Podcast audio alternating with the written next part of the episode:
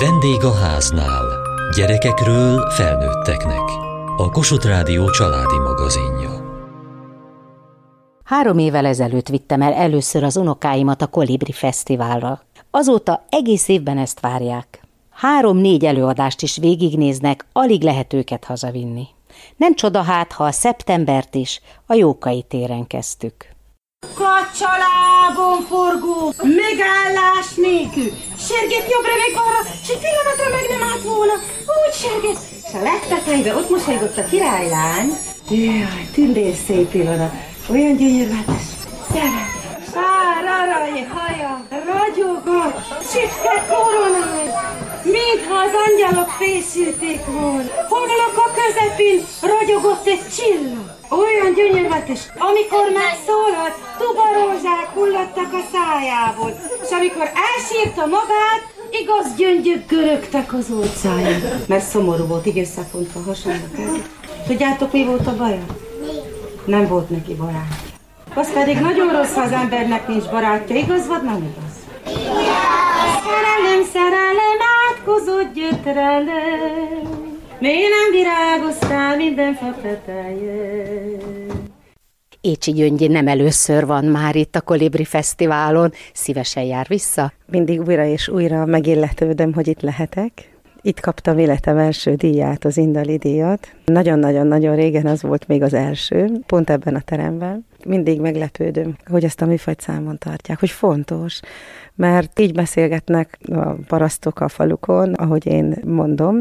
Olyan szavakat használok, amit éppenséggel nem is lehet megérteni, mert nem tudjuk már mi az, hogy kuskolni, meg csihadni, meg ilyen szavakat, és hogy annyira élvezi a közönség ezt a természetes, földszagú, fűillatú, kicsit még majdnem tehénke illatú is, mert kecske mindenképpen, mert a dudát ugye behozzuk, hogy ezt szeretjük, hogy ez a miénk, hogy ez az ős, és ezt nem lehet tőlünk elvenni, még akkor sem, hogyha mondjuk nemzedékek kimaradnak belőle, de valahogy ez az igényünk erre a tisztaságra megvan, és azért rettentően megtisztelve érzem magam, hogy itt lehetek. De évközben nem látjuk a kolibri színpadán.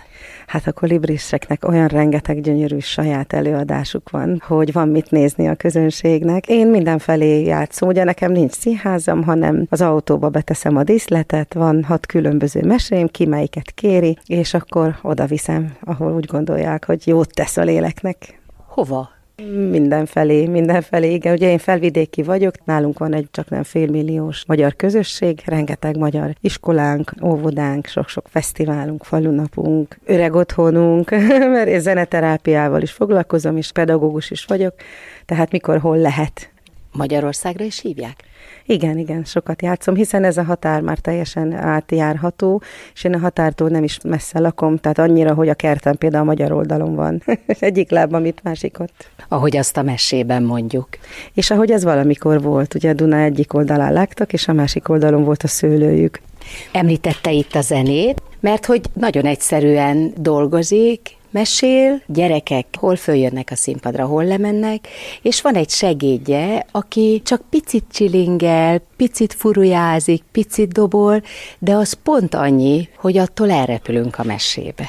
Igen, nagyon nehéz dolga van, mert abban a pillanatban, amikor éppen dobantok, vagy letettem a bábot, akkor ott meg kell állni a zenének, rettentő nagy figyelemmel kell kísérni, hogy mi történik, ráadásul ugye nincs is forgatókönyvem, elárulom. Látszik, hogy spontán csinálja. Igen, igen, és nagy gondot okoz, hogyha le kell írnom, de megengedi a mese, hogy tágítsam, bővítsem, rövidítsem, ugye is kicsi pedagógiai játék is van benne, és hogy az a gyermek mit bír el, ahhoz lehet igazítani a hosszát, a mondani valóját, vagy a táncot, dolgot, azt nem lehet tudni, hogy hogy alakul. De lényeg az, hogy ő nagyon jól érezze magát, biztonságban érezze magát, ne érezze azt, hogy meg kell szólalni, mert elmondjuk helyette esetleg. Tehát, hogy ez a játék, ez igényli a Marcitól a nagy odafigyelést és a közönséget is mindig bevonza, de nem csak ám a gyerekeket, hanem a felnőtteket is. Ez engem is nagyon meg tud lepni, de én magam is felnőtt koromban kezdtem mesét mondani, szóval, hogy ki gondolta volna, sosem gondoltam, hogy mesét fogok mondani. Én lelkész vagyok különben, Na és hogy veszi a felnőtt közönség Igen. az, hogy fölhívja? Mert látom néha kicsit bátortalanul jönnek föl, de aztán, mintha rájuk öntötték volna azt a szerepet. Pontosan, most is ez történt. Először azt gondolják, hogy nem kellene beleavatkozni, aztán rögtön rájönnek, hogy ez nem csak gyermekműsor. Tehát a népmesét a felnőttek mondták el egymásnak. Most úgy, hogy a népmese sem gyermekműfaj, hanem ugye a gyermek is zsebre teszi a magáét, a felnőtt is a magáét, és más üzeneteket kapnak. Ugye a báb, mint műfaj sem gyermekműfaj, és talán ezért van az, hogy amikor szerepet kap, akkor azt annyira, de annyira élvezi, mert talán a felnőtt tudja, hogy mekkora nagy dolog játszani. Mi már keveset játszhatunk, nincs időnk játszani. A mi városainkban, falvainkban óriási hagyománya van a színjátszásnak, tehát minden egyes faluban volt színjátszó társulat, énekeltek, táncoltak, tehát mindennapi önkifejezési eszköz volt az, hogy ő dobbant, hogy az indulatát kifejezi, hogy a mozdulatát ékesíti. Ez valahogy visszahozza azt a nemességét annak az embernek, aki abban a korban élt, amikor még mindenkinek megvolt a saját 400 éneke például a faluban. Nekünk jár Nekünk felnőtteknek? Nekünk, nekünk. Ez felnőtt dolog volt, tehát a gyermeknek abban nagyon bele kellett nőni, hogy ő abba bekerülhess, nagyon kellett igyekeznie. Én nem bánnám, a minden faluba újra lehetne színjátszó csoport. Én itt elnevetgélem meg, táncolom a dolgot, de az üzenetek nagyon komolyak. És az ember nem kérdezi meg, hogy hát miért sír az a király, miért kell neki annyira az az életvize, vagy hogy a három gyermek miért különböző, miért van esélye a másik kettőnek is, ha megjavult. Ezek komoly üzenetek, és hogy hogyan lehet csak egy tátos paripával megoldást találni. Tehát nincsenek emberi megoldások, és az nem baj, mert akkor, amikor elfogy az én emberi erőm, akkor jön a táltos, akkor jön a felső erő. Tehát, hogy olyan csodál csodálatos üzenetek vannak ebben, hogy én nagyon megtisztelve érzem magam, hogy ezt tolmácsolhatom. Aludott egész gyönyörvetes tündérország, csak ami Jánoskám pattant föl a szeme. Fölpattant maga is, akkor átugratott, három számoltak neki három. É? Tündér szép Ilona, meglátom. Ez gyerek előadás, várjatok meg. Ő még összecsapta. Tündérszép Ilona. Sípőre tette a kezét, toppantott egyet. Jánoska szívére tette a kezét. Meghajolt előtte. Csak azt mondta, adjon Isten tündérszép Ilona. Adjon Isten tündérszép Ilona. Többet nem kellett beszélnek, mert egymás szemébe belenezektek. Úgy ragyogott a tekintetük, hogy mint a tükörben megfésülködhettek volna. Úgy összebarátkoztak. Tündér szép Ilona rögtön megmutatta a hátsó szobáját. Mert onnan volt elérhető az életvize kutya. Ti csak aludjatok egy csepet. Csöndesebben ott hátul. Merített tündér szép Ilona az életvizébe, betette egy üvegcsébe, Jánoska zsebre vágta, de ott volt mellette a másik kut is, mert az élet még a halál együtt jár. Fogta a másikot is, azt meg zsebre vágta, és amikor megpirkadt, akkor előjöttek. Kicsit elszórakoztak. Előjöttek, kiabáljatok nekik. Meddig tartson ez az előadás, nem tudom. Előjöttek! Segít! Na háromra. Egy, kettő, három. A 31. évadát kezdte a Kolibri Színház. Ahogy szokta, egész nap fesztivál van a Jókai téren, fesztivál van benne a színházteremben, és Novák János az előbb koszorúzta meg Kemény Henrik szobrát a színház falán, és igazából az a legnagyobb öröm, hogy a mai kisgyerekek is ismerik Vitéz Lászlót. Igen, az én hat éves unokám mondta, hogy ő mindig is szerette, és kíváncsi voltam, hogy mit. Hát mondta, hogy Vitéz László. Akkor minden rendben van. Vitéz László figura is egy ilyen arhetipikus, a legkisebb, aki legyőzi a sárkányt, a félelmet. Örökké érvényes mese marad, amíg gyerek van a földön, igen, bízni kell abba, hogy ő majd egyszer a saját sorsának a ura lesz, hogy egyszer majd felnő, és igen, hogy le tudja győzni a sárkányt, le tudja győzni a betegséget, a boszorkányokat, és hát erre a hitre felnőtt korunkban is szükségünk van. De vajon mitől nem marad meg ez a hit? A hit megmarad, az életnek lesznek mindenféle fodrai, amik beleszíneznek, de az alaptézis, hogy igen, felelősséget érzünk a saját sorsunkért, a családunkért, a gyerekekért, tágabban a következő generációért, és hát persze nem mindenre van befolyásunk, de az, hogyha van egy szándék bennünk, hogy keressük ezt a jót, hogy keressük a közösség számára a legjobb döntéseket, tulajdonképpen ez az, amit átadhat nekünk akár egy olyan mese is, mint Vitéz László, hogy igen, ha kiabálunk, hogy arra ment az ördög, ha kiabálunk, hogy most megint jön egy sárkány, és segítünk abba, hogy legyőzze, ez az egymás segítsége, az egymás iránt érzett felelősség, ez már a Vitéz Lászlóból is előjön, és hát nagyon jó, hogyha a gyerekek ezt tanulják meg a színházban.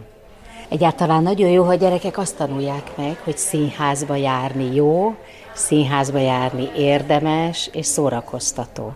Igen, ez nagyon fontos, de az, hogy ezt az ember ilyen bátran kijelenthesse, itt a Kolibri Színház gyakorlata erre jó bizonyíték, mert hogy nem minden gyereknek való minden. Tehát egy pici gyereknek végigülni két órás mesét, és annak az egész ívét követni nem elvárható dolog, és akkor jön az, hogy fegyelmezetlenek, vagy, vagy rájuk szólnak, vagy megijednek, de a valóságban, ha olyan műsort kapnak, ami az ő korosztályuknak megfelelő, akkor hát csodálatosan viselkedik már a csecsemő is, de a kicsik éppen úgy, mint aztán a mesejátékoknál, és hát arra is figyelemmel kell lenni, hogy amikor egy egész órás ívet még nem tud átkövetni a gyerek, olyan mese, mint a Borsnéni, ahol sok kicsi történés van, és közt a játékok, ahol feloldják ezt a félelmet. Ezek a kicsi ívek, ezekben már jól meg tud kapaszkodni, ezek a kicsi mesetöredékek, amik például egy, egy ilyen nagyobb játékban benne vannak, és nagyon fontos az interaktivitás, ami persze nem csak azt jelenti, hogy fölmennek a színpadra, és hát még szomorúbb, hogy csak arra degradálódik, hogy bizonyos referéneket együtt kiabáljanak,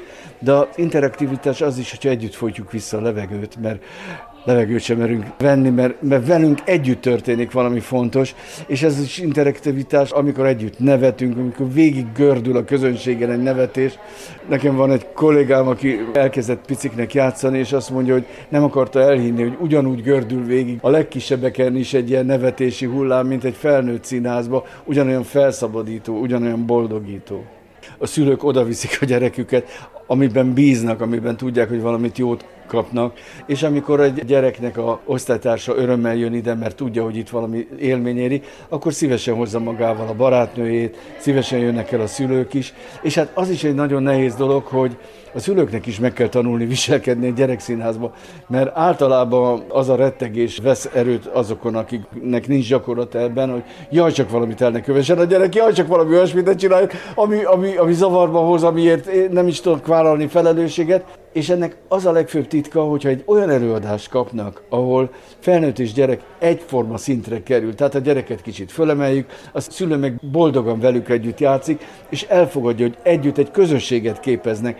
erre az élményre a Kolibri Színház szinte minden generáció számára lehetőséget terem. A Csecsemő Színházával ugyanúgy, amivel hát útörök voltunk Európába, mint az Ifjúsági Színház, ahol szintén a legjobb európai darabokat hoztuk ide, és Vidovszki Gyuri által bemutatott magyar szerzők szintén európai sikert jártak be, mert rögtön bekerültek egy vérkeringésbe, mert akkora szükség van ennek a színházilag látszólag már érett, de mégiscsak elhanyagolt korosztálynak olyan darabokat bemutatni, ami az ő sorsukkal, az ő konfliktusaikkal áll párhuzamba, és nem valami okosságot vagy valami tanítást képviselnek, hanem valami segítséget, amitől ők egészebb emberé válnak. Tehát ez a legfontosabb, hogy aki ide bejön, az úgy érezze, hogy az ő személyisége épül, és ez teljesen mindegy, hogy az ember nyugdíjas korú, vagy még az iskolába se jár, de a közösségben megélt élmények értéke semmi mással nem potolható.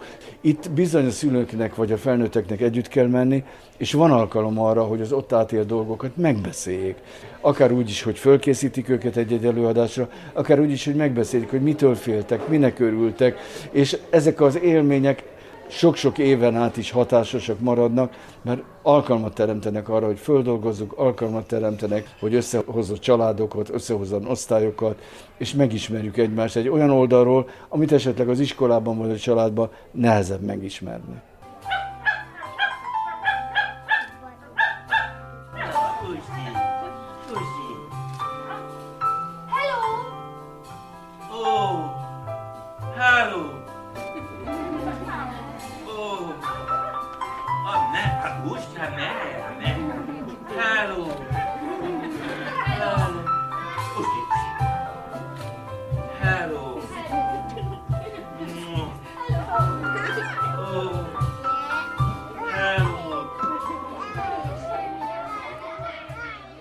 Miről szólt ez az előadás? a holdról, egy fiúról, meg egy kutyáról. Ez az előadás viccesen nézett ki, hogy van egy ember és egy kutyája, akik fölpróbáltak repülni. A holdra. És fölrepültek végül a holdra. Az történt, hogy csillagszóróval az ember repül. Csillagszóróval. Hogy hívták a kutyát? Hát nem mondták el. Usgyi. És találkoztak egy lányjal. Hát a fiú szerelmes lett belé. És az a lány hőlékbarlonnál változott. Mivel repültek föl a holdra? űrhajóval. És azt hogy csinálták? Hát az ember fogta, és ő mozgatta igazából, de úgy, mintha len tényleg tüzetne, volt ott két csillagszóró a hátulján az űrhajónak. És hogy repült föl az űrhajó? Úgy, hogy megfogta az ember, és így fel, úgy mozgatta. Néha így pár szót kimondtak, meg angolul is mondtak. Hát többnyire inkább nem beszéltek. És azért meg lehetett érteni? Igen. Csak egy szó volt amúgy a, a angol, és az meg az volt, hogy a, valamilyen óriás bubi, amit meg aki nem tudta, aznak elmondták a szülei, aki meg tudta, annak meg nem kellett. Pécsről érkezett a Márkusz Színház, Pilári Lili és Vajda Zsuzsa játszottak. Kicsit furcsa volt, mert beszéltek is, meg nem is, báboztak is, meg nem is, rengeteg-rengeteg eszközt használtak, de úgy tűnt, mintha a gyerekek értettek volna mindent. Zsuzsa? Hát a bába az szimbólumokkal dolgozik, és mi olyan szimbólumokat választottunk, amit már valaki valamilyen célból megépített, és azt tovább gondolva, újra gondolva mi egy más funkciót adtunk neki. Például egy indiai rizsfőző edény volt a Hold. Először Indiában játszottuk, ott volt a premier, nem volt még meg a Holdunk. És akkor ott a bazársorba járkálva ott láttuk, hogy pont ez az, ami nekünk a Hold lehet. De hogy, hogy Indiában tartották az előadás premierjét? Volt egy lehetőség Fort Kocsimban, ahol egy nemzetközi médiafesztivál volt, és volt egy kapcsolatunk, szóltak, hogy lenne lehetőség arra, hogy egy zenei formáció jöjjön, és egy kis színház.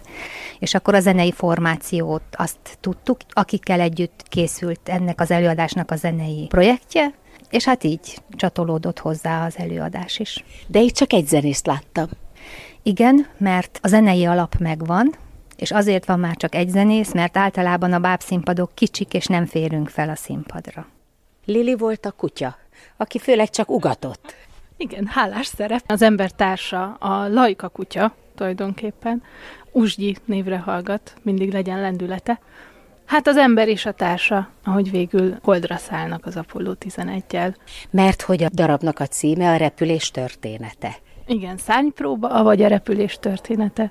Ez az előadásunk még nem járt a Kolibri Fesztiválon, ami nagyon furcsa, mert az előadás 2015-ben készült Indiában. Az ember álma, vágyálma mindig is a repülés volt, de minden repülés zuhanással kezdődik, és a szárnyak közben nőnek, majd repülés közben nőnek. Az álmainkat nem szabad feladni, mert ha kitartóak vagyunk, akkor az megvalósul. És Indiában történt, ahol nagyon sok utcagyermeket szednek össze, és ők is eljöttek az előadásra. Az előadás után csináltunk egy workshopot, amikor ilyen hatalmas banánlevelek voltak a szárnyak, és fölállhattak egy magas székre ezek a gyerekek, és aztán ugrottak és azzal a hittel és vágyjal, ahogyan ők erről elrugaszkodtak, erről a székről, olyan hittel és vágyjal kell jelen lennünk az életünkben, hogy megvalósulhasson, amit szeretnénk. És a Márkusz Színház színészei mire vágynak? Mi valósuljon meg? Hát legyenek előadásaink, készítsünk még néhány új előadást, ahhoz legyen elég ambíció, legyen elég gondolat, legyen egy kis gazdasági háttér is. Lili? Hát most már tíz éve létrehoztunk egy kicsi színházat Pécs belvárosában.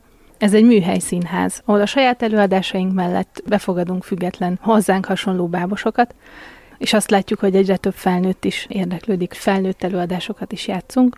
És hát ezt nagyon jó látni, vagy szeretne újra gyerek lenni, és újra bejönni a bábszínházba. Azt is látom, hogy nem csak a gyerekeknek szól ez az előadás, hanem azért van ebben üzenet a felnőtteknek is. Minden korosztálynak játszuk az összes előadásunkat. 14-15 előadásunk van folyamatosan a repertoáron, és ezeket minden korosztálynak játszuk, egy éves kortól. Lehet-e érezni a gyerekközönségen, hogy sikere van, vagy nincs, megértették-e, vagy sem, szeretik-e, vagy sem? Persze, azt az első pillanattól lehet érezni, hogy milyen a közönség, hogy mennyire tudunk egymásra hangolódni, és mennyire tudunk egy energiával, egy flowval haladni az előadásban. Igen, igen. Egyszer játszottunk drámatagozatos osztálynak, és ott az első 13-14 percig feszülten ültek a nézőtéren, semmi reakció nem volt, és akkor a 14. és fél percben akkor kipukkantak. Na, addig tartott a ráhangolódás.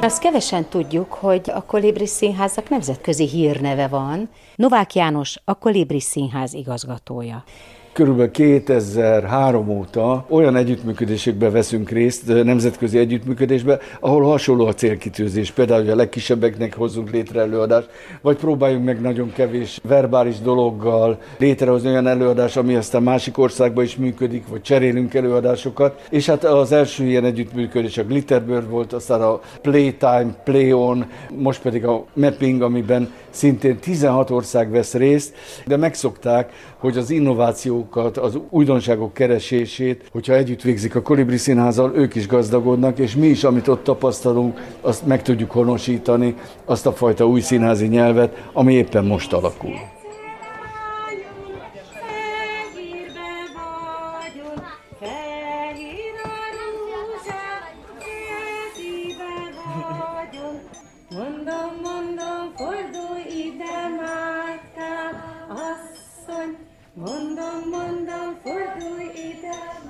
Ma a Kolibri Színház évadnyitó fesztiválján jártunk. Kövessék műsorunkat podcaston, vagy keressék adásainkat a mediaclick.hu internetes oldalon. Várjuk leveleiket a vendégháznál kukac mtva.hu e-mail címen. Műsorunk témáiról a Kossuth Rádió Facebook oldalán is olvashatnak.